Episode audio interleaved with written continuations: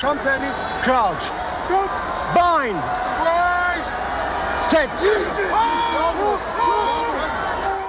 SABC Sport proudly brings you the 2015 Rugby World Cup.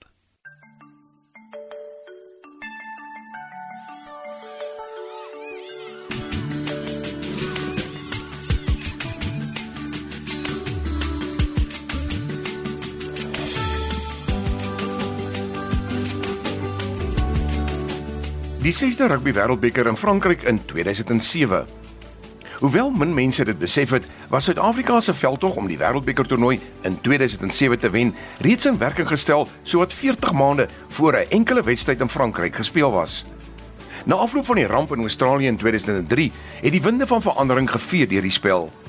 Arkin Haskins was die nuwe president van die Suid-Afrikaanse Rugby Unie en hy het vroeg in 2004 besluit om Jake White aan te stel as die Springbokke se nuwe afrigter in die plek van Rudolf Strauly. En dit was White wat sy langtermynversier daarop gestel het om die Rugby Wêreldbeker te wen en nie soos wat verwag was om te fokus op die korttermynprobleme nie.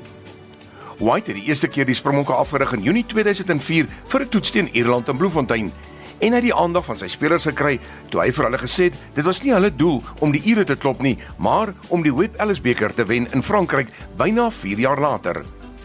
Die afrigter het John Smith vroeg al geïdentifiseer as die kaptein en dit sou eers veel later duidelik geword het dat hy 'n man met 'n plan was. Maar die paadjie na Frankryk was nie altyd glad nie. Die bokke het sommige groot nederlae langs die pad gelei en White het ook koppe gestamp met sy werkgewers by Saru. In so 'n mate dat hy byna nie meer die afrigter van die bokke was nie.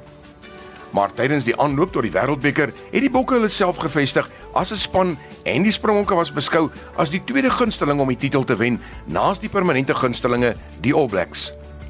Voordat die span na Frankryk vertrek het, het Bob Skeenstad, wat in die span gekom het omdat White geglo het hy benodig 'n sterk en ervare leier as adjutant vir John Smith, die volgende gesê: "Die sterre is in lyn vir die Springbokke en om op te som, daar is 'n stemming van vertroue in die kamp wat net groei."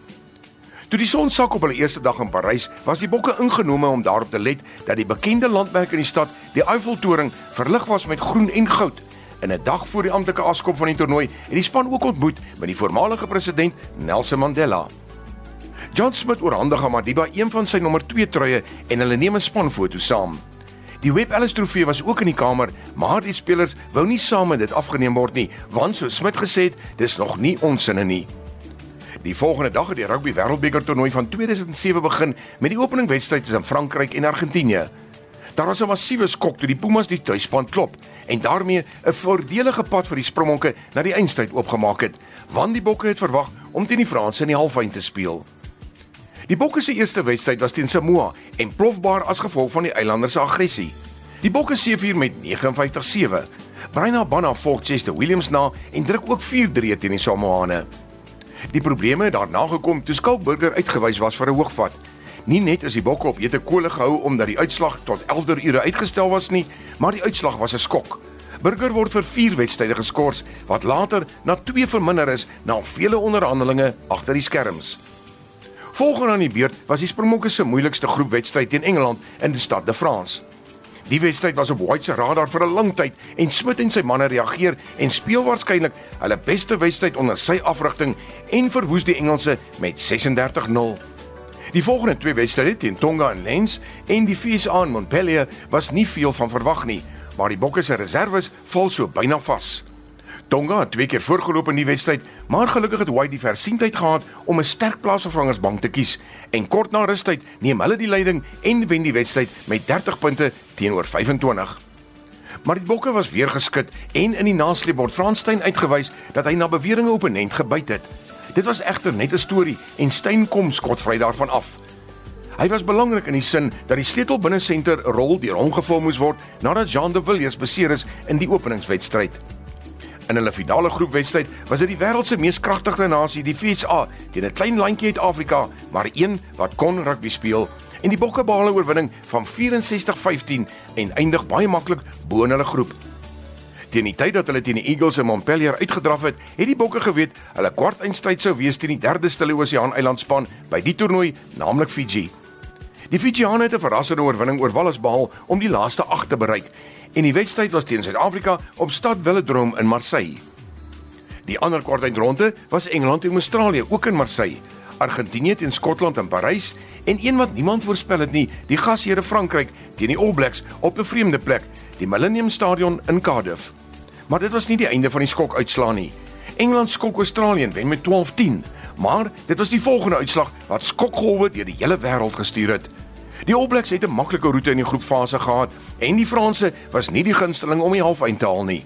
Maar dit was weer die All Blacks wat pak kry. 'n Aklige fout deur die Engelse skeieregter Wayne Barnes wat 'n duidelike vorentoe aangee gemis het, het gelei tot 'n wen-3 vir Frankryk en hulle seëvier met 14-9. Die atmosfeer was gelaai en die moontlikheid van nog 'n skok op die kaarte toe die Bokke teen Fiji uitdraf in hulle kwartfinalewedstryd. Maar dit was die oomblik wat John Smith opgestaan het en soos 'n Napoleon sy troepe aangespreek het agter die palle omdat hulle hulle konsentrasie verloor het. En hoe die Springbokke nie gereageer nie. Hulle probeer hulle beproefde metodes en klop die Fijiane met 37 punte teenoor 20. In die laaste kwartfinale is dit Argentinië wat Skotland met 19-13 klop en die halfeindbepalings was bekend. Engeland sou teen Frankryk te staan kom en die Pumas teen Suid-Afrika. Engeland het herstel van 'n nederlaag teen Suid-Afrika en behaal 'n makliker oorwinning as wat die 14-9 op die tellbord wys. In die ander halfeind was dit Suid-Afrika teen 'n span wat nog nooit in die Springbokke by die Wêreldbeker kon wen nie. Die Argentynë het probeer groot praat voor die wedstryd, maar die Bokke was duidelik die beter span en wen met 34-10. Brian Abana voeg nog 2-3 op sy kerstok vir die toernooi en staan nou op 8 wat Jonah Lomo se rekord ewenaar. Engeland was weer vol selfvertroue en hulle Johnny Wilkinson teruggehaat in die span. Die spanning het oorgeloop en Engeland het gekla oor 'n 3 wat nie toegeken was nie aan Mark Kyoto. Gelukkig het die televisie terugspeel gewys sy voet het die kantlyn geraak.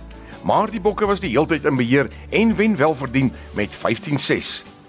Soliede verdediging soos Jake White voorspel het en Percy Montgomery se uitstaande skopwerkpale toe was die sleutel tot Suid-Afrika se tweede oorwinning van die Webb Ellis Trofee. Die goue trofee is vir 'n tweede keer oorhandig aan 'n Springbok kaptein, terwyl die land se president Thabo Mbeki die geleentheid bygewoon het. Die span het teruggekeer na Suid-Afrika en die seëvierende span het met hulle terugkeer die trofee op oorwinningstoer deur die hele land geneem.